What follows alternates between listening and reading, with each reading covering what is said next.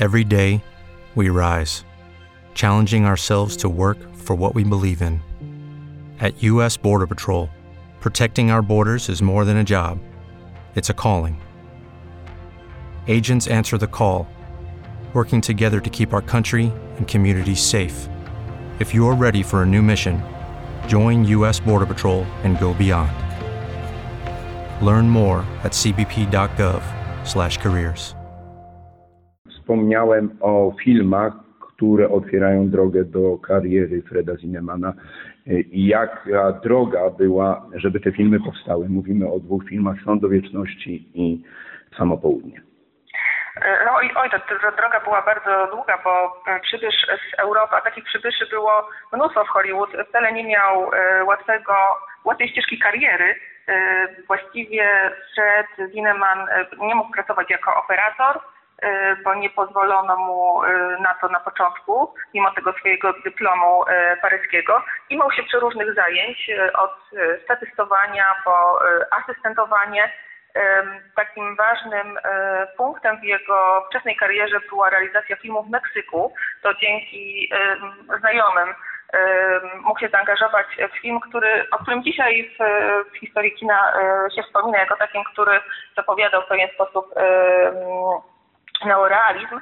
E, Film e, o meksykańskim tytułu Redes, czyli e, The Waves po angielsku, zaangażowany lewicowy dokument.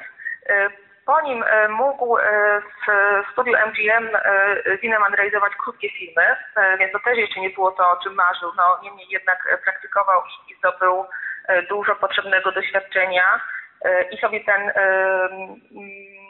tą pracę sobie bardzo chwalił. Zresztą za jeden z filmów, który wtedy zrealizował, That Mother Makes Alive, e, uzyskał, e, znaczy ten film uzyskał Oscara. E, Oscara odebrał nie, nie reżyser, bo takie były wtedy przepisy, a, a producent, ale to był no, istotny, istotny punkt w rozwoju kariery Zinemana. E, Później takim filmem, który mm, warto odnotować, to jest na pewno Siódmy Krzyż. E, To jest e, m, adaptacja powieści Anny Zegers e, i jeden z pierwszych filmów amerykańskich, który podnosi kwestię zagrożenia faszyzmem w, w Europie. Akcja się toczy jeszcze przed wojną i, i dotyczy osób, które zostały umieszczone w obozie przez władze niemieckie i, i pokazuje, jak dużo, dużo odwagi wymaga przeciwstawienie się e, temu, temu reżimowi, e, który ro- rośnie w siłę w Niemczech. Jak to jest też trudne dla całego społeczeństwa, żeby e, takie osoby wspierać, więc to był no, ba- bardzo, bardzo ważny film. E, Później e, kolejny film, który e, jest takim punktem milowym, to jest film The Search. To już jest e, moment, kiedy zakończyła się e, II wojna światowa i e, jeden z e, europejskich, e, szwajcarskich producentów, zresztą z e, polskimi korzeniami, e, proponuje Fredowi Zinemanowi zrobienie filmu w e, Europie. E, Filmu, który opowie właśnie o tych minionych latach. E, I bohaterami tego filmu są e, dzieci, które zostały bez rodziców. E, Historia oczywiście jest tak opowiedziana, żeby była w miarę do przyjęcia dla widza amerykańskiego, więc e, mamy tutaj e, amerykańskiego żołnierza, który zaprzyjaźnia się właśnie z e, dzieckiem e, osieroconym. Wy- Wydawałoby się osieroconym, dziecko szuka e, swojej mamy.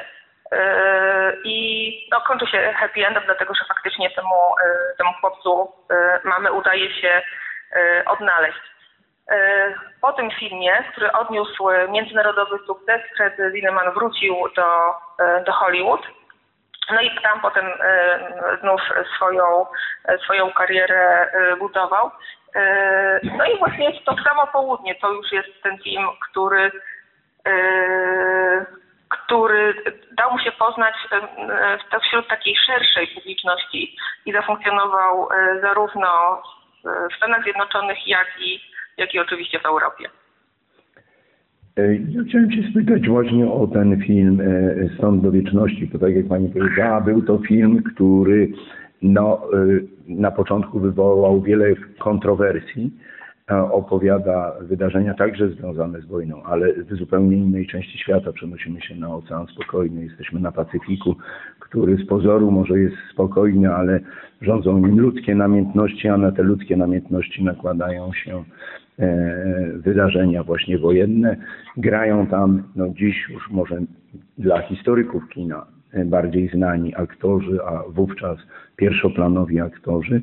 I ta opowieść no, wywołuje wtedy i konsternację, i zachwyt. Ha, e, tak, to prawda. Znaczy, mm, ja bym tutaj zwrócił, znaczy tutaj pan na pewno nawiązuje do tej słynnej sceny na plaży, która była yy, kwestionowana przez cenzurę amerykańską i dla której wielu widzów ten film oglądało po obu stronach oceanu. Natomiast to, co na co tutaj warto zwrócić uwagę, to jest to, że bohaterem tego filmu jest młody żołnierz, który, tak jak w wielu innych filmach Freda Zinemana, E, jest e, wierny swojemu sumieniu. Znaczy on trafia do jednostki, której dowódca marzy o, e, o tym, żeby jego oddział zdobywał żeby jego żołnierze brali udział w walkach bokserskich i zdobywał nagrody, wygrywali te zawody. Natomiast on w wyniku swojego doświadczenia z przeszłości podjął decyzję, że, że z tym e, boksem się rozstaje i nawet mimo tego, że teraz jego kariera wisi na włosku, e, postanawia, że tej swojej decyzji będzie wierny. Jest w tym niezwykle konsekwentny, chociaż e, bardzo go to dużo kosztuje, więc to jest to jest takim kluczowym motywem w tym filmie. Właśnie jak podkreślam, to co, to, co łączy znaczy bardzo charakterystycznym dla, dla w ogóle filmów Freda Zinemana. Przecież i w Samo Południe e, mamy, mamy do czynienia z bohaterem, e, który e, mógłby, jak Państwo pewnie starsze osoby pamiętają, który kończył swoją pracę jako szeryf, może opuścić miasteczko, w którym pracował. Niemniej, kiedy dowiaduje się, że przybywają do niego bandyci, którzy bezpieczeństwu tego miasta zagrażają, postanawia, że stawi im czoła E, i mimo tego, że e, otoczenie go nie rozumie, nawet nowa, nowo poślubiona żona go również nie rozumie, to, to jest wierny temu impulsowi, e, jakiemuś takiemu wewnętrznemu przekonaniu, że, że powinien się zachować właśnie tak, a nie inaczej, nawet jeśli nikt inny obok tego nie rozumie i nikt razem z nim nie chce stanąć.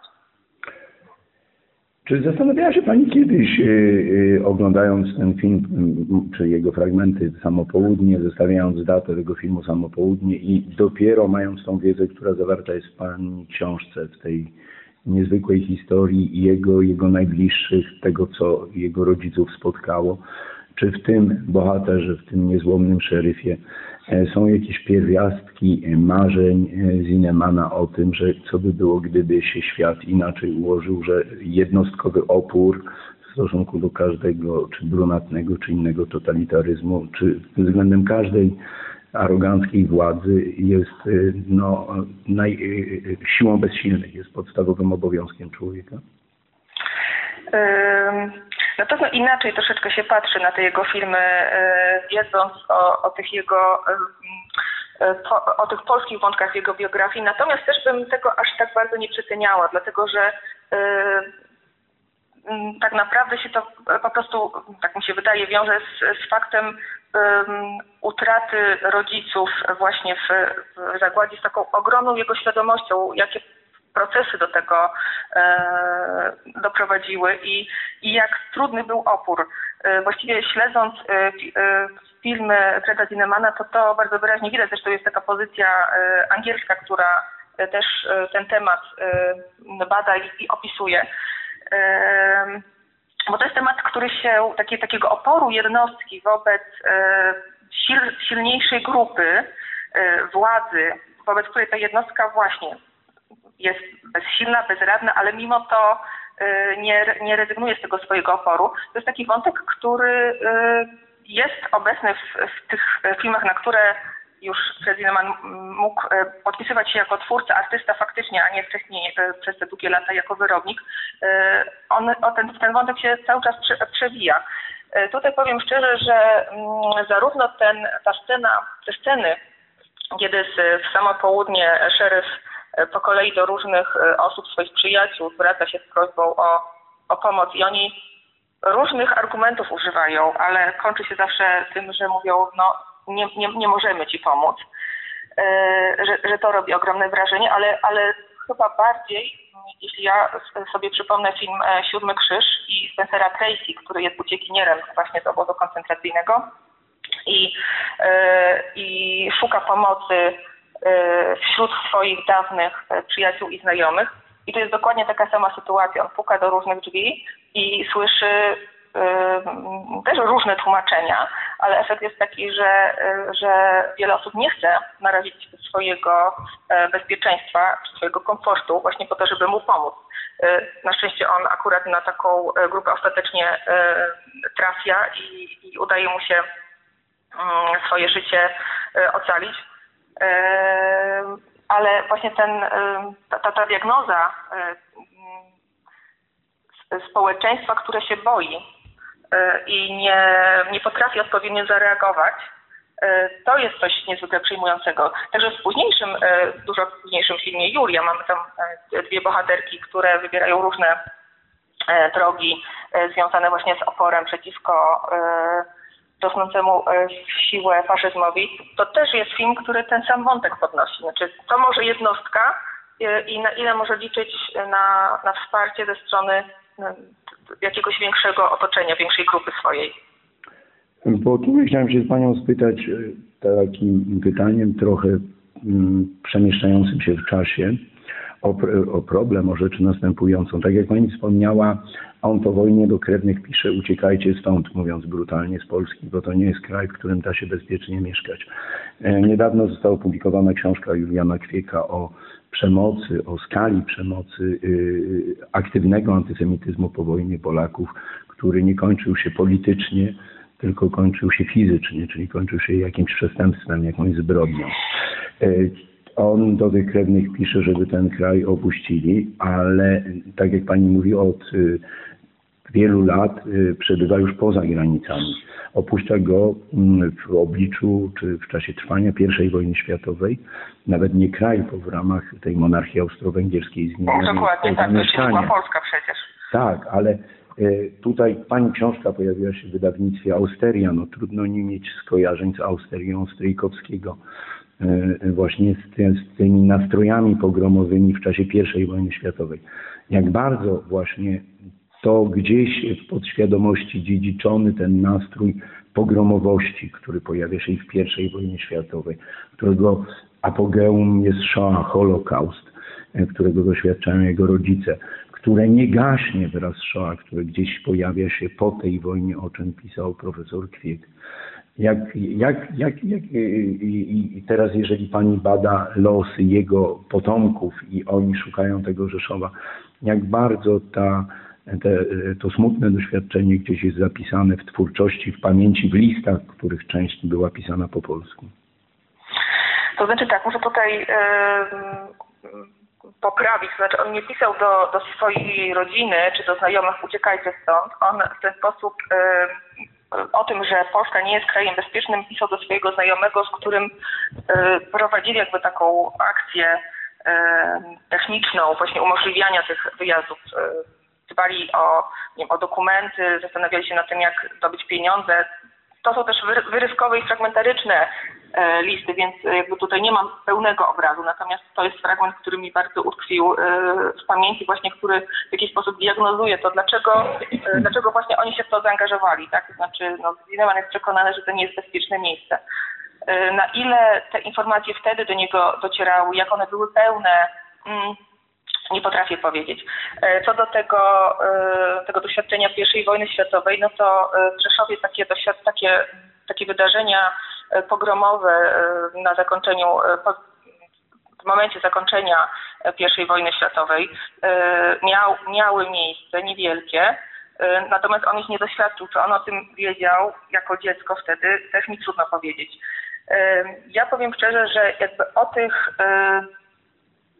o tych doświadczeniach i o tej pamięci nie, nie rozmawiałam z, ani z synem, ani z wnukami Freda Zinemana. Gdzieś mm, Gdzieś może to wisiało e, w powietrzu, jakaś taka no właśnie być może nieufność, dlaczego, skąd to się wzięło, że, że, że e, Fred nie chciał, nie chciał tutaj wracać? I czym mu się to kojarzyło, ale nie, nie zostało to e, wyartykułowane, wypowiedziane. No tutaj jeszcze bym chciała zwrócić uwagę na, na taki fakt, że powstało w Izraelu Stowarzyszenie Dawnych Mieszkańców, Żydowskich Mieszkańców Rzeszowa i było ono dość aktywne w latach 90. Jego przedstawiciele skontaktowali się z Fredem Zinemanem i, i wspólnie tutaj organizowali w samym Rzeszowie takie wydarzenie upamiętniające ofiary Holokaustu. Fred Zineman był zaproszony, żeby wziąć udział w tym wydarzeniu, ale się nie zdecydował na przyjazd. Być może także dlatego, że był już naprawdę za, zaawansowany wiekiem i, mm, i pewnie zdrowie po prostu mu na to nie, nie pozwalało.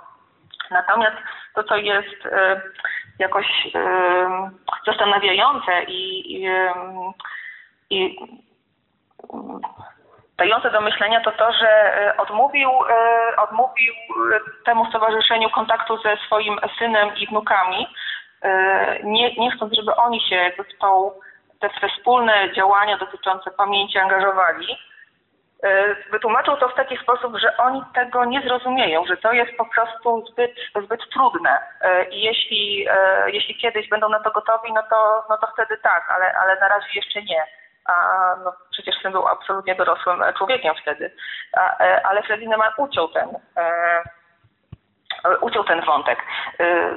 Aczkolwiek był, jak twierdził w, liście z kolei do, do przewodniczącej tego stowarzyszenia, zainteresowany, żeby to e, stowarzyszenie nadal działało, e, żeby było aktywne, wpłacił e, pieniądze na, ten, na tą działalność, ale sam się od takiego aktywnego uczestnictwa odciął, nie chciał tutaj przyjeżdżać, nie chciał, nie chciał być z tym chyba też kojarzony, no i właśnie nie, nie umożliwił kontaktu swojemu synowi, który no, w ogóle nie wiedział o tym, że, że takie zapytanie kiedyś było. To wracając do początku Pani książki, właśnie tam pojawia się to, że jego potomkowie szukają tego Rzeszowa, szukają punktów odniesienia dla własnej rodzinnej historii. Kiedy Pani, jak wspomniała, z nimi rozmawiała, czym dla nich jest Rzeszów w XXI wieku? E, to jest takie miejsce zagadka, e, miejsce, które gdzieś tam się wy, wy objawiło z niebytu właśnie e, syn Freda Dinemana znalazł ten Rzeszów na, na dokumencie związanym z, e, z, z na, na akcie urodzenia e, rzeszowskim i właśnie wtedy próbował się dowiedzieć, jak wymawia się to dziwne, dziwne miasto. Oglądał je sobie goglach, więc tak mniej więcej wie, jak ono, jak ono tutaj działa. Szkoda, że, że, że Timowi nie udało się przyjechać właśnie do Rzeszowa w 2018 roku. Wtedy E, też choroba mu to e, uniemożliwiła, ale był z nami e, w postaci filmu, który nagrał specjalnie dla mieszkańców Rzeszowa. Byli tutaj, były tutaj jego dzieci, dwójka jego dzieci, czyli dwójka wnuków Freda Dinemana, dla których to była taka bardzo to, to, to było miejsce, to była podróż miejsce, którego kompletnie nie znali. Oni mówili, że im się w ogóle Polska kojarzy z czarno-białymi e, zdjęciami z wojny. E, I właściwie tyle. E, ale ja tak sobie myślę, że to był taki chyba początek dla, dla tych dorosłych dzieci, dla tych dorosłych osób kontaktu z tą częścią historii ich rodziny. I, i, i chyba dopiero początek jakiegoś procesu odkrywania tej historii, Tutaj też trzeba zauważyć, że, że dla nich te polskie korzenie to są jednymi z wielu, bo, bo w tej rodzinie się mieszały różne, różne narodowości, różne kultury, więc to nie było tak, że to jest Ameryka, ale tylko i wyłącznie te polsko-żydowskie korzenie, ale też wiele, wiele innych. Więc myślę, że to podejście, w ogóle to podejście amerykańskie do, do korzeni to wydaje mi się jednak inne niż, niż to, które my tutaj mamy w Polsce. Jest chyba bardziej tak, tak, tak odnoszę wrażenie, że, że my do tego przykładamy większą wagę niż, e, niż oni w Stanach Zjednoczonych, gdzie ta e, multikulturowość e, jest na, na porządku dziennym. Tak jak Pani wspomniała, no doświadczenie społeczności czy państwa stworzonego przez emigrantów zawsze będzie inne. Natomiast e, wspomniała Pani również, że dla młodych ludzi w XXI wieku Polska kojarzy się z czarno-białymi fotografiami. Moje ostatnie pytanie jest trochę prowokacyjne, ale no trudno go nie zadać w obliczu filmów, które tworzył Fred Zinnemann, w obliczu właśnie Stąd do Wieczności, czy przede wszystkim Samo Południe i tych scen, o których Pani mówi, że człowiek idzie, prosi o pomoc, czy Siódmego Krzyża i, i, i jej nie utrzymuje. Także w obliczu gwiazd kina, które w tych filmach występowały, bo tam mamy Lancastera, Trans, Transeja z o którym Pani mówiła, Gary Cooper, no, same wielkie nazwiska i teraz w obliczu takiego kina, które pokazuje mm, determinację jednostki, E, ci młodzi ludzie w XXI wieku, oglądając te filmy, szukając informacji o twórcy tych filmów, e, wpiszą sobie jakieś informacje o Polsce i zobaczą zdjęcia, może niekoniecznie czarno-białe, ale kolorowe, jakieś takie z oddali robione z drutem kolczastym i z tym, że e, innych nie chcemy wpuszczać i to będą e, widzieli ludzie z kraju stworzonego przez emigrantów, gdzie każdy jest z innego miejsca. Co oni wówczas pomyślą? E, e, co mogą sobie pomyśleć? No, mi, mi osobiście bardzo trudno się ogląda wiadomości i słucha wiadomości o tym, jak Polska reaguje na, na, na migrantów jak zamyka przed nimi granice, jak ich wypycha poza, poza swój obszar e, i, i, i to, co się, to, co się dzieje, faktycznie e, kojarzy się z, właśnie z tym, co, co, do, co doprowadziło kiedyś do, do, z tymi nastrojami, które były przed II wojną światową. Ja czuję, ja osobiście czuję ogromną bezradność, wstyd i wielkie obawy, e, w jaką stronę się to e, potoczy i, i co to dla nas oznacza. To jest też dla mnie pytanie o to, jak my jako społeczeństwo zareagujemy, ale e, wydaje mi się, że trudno, e, trudno jest e, nam reagować w jakiś inny sposób niż na przykład udostępniając te informacje, czy nie wpłacając pieniądze na, na działalność konkretnych fundacji. Natomiast no, dla nas tutaj jest to test, czy go zdamy. No chciałabym, żebyśmy go zdali. Y, natomiast jak to jest y, odbierane przez y, osoby z zewnątrz, no myślę, że z niedowierzaniem, jak, jak, jak to możliwe, że, że dziś też taka sytuacja ma miejsce, chociaż wiemy, że, że w Europie też w różnych sposób kraje reagowały na napływ emigrantów w poprzednich latach. No, Trudno, trudno to skomentować. No myślę, że dla nas wszystkich jest to ogromne wyzwanie, jak się w tej sytuacji zachować. Dziękujemy. W prawie w Samo Południe, o twórcy filmów Samo Południe, z autorką książki Fredek Grzeszów Hollywood, opowieść o Fredzie Ziniemanie z, Grażyna, z panią Grażyną Bochenek. Mieliśmy przyjemność rozmawiać. Dziękujemy bardzo za książkę i za rozmowę. Bardzo serdecznie dziękuję. It is Ryan here and I have a question for you. What do you do when you win? Like are you a fist pumper? a woohooer, a hand clapper, a high fiver. I kind of like the high five, but if you want to hone in on those winning moves, check out Chumba Casino. At ChumbaCasino.com, choose from hundreds of social casino style games for your chance to redeem serious cash prizes. There are new game releases weekly, plus free daily bonuses. So don't wait. Start having the most fun ever at ChumbaCasino.com. No purchase necessary. VGW. Void were prohibited by law. See terms and conditions. 18 plus.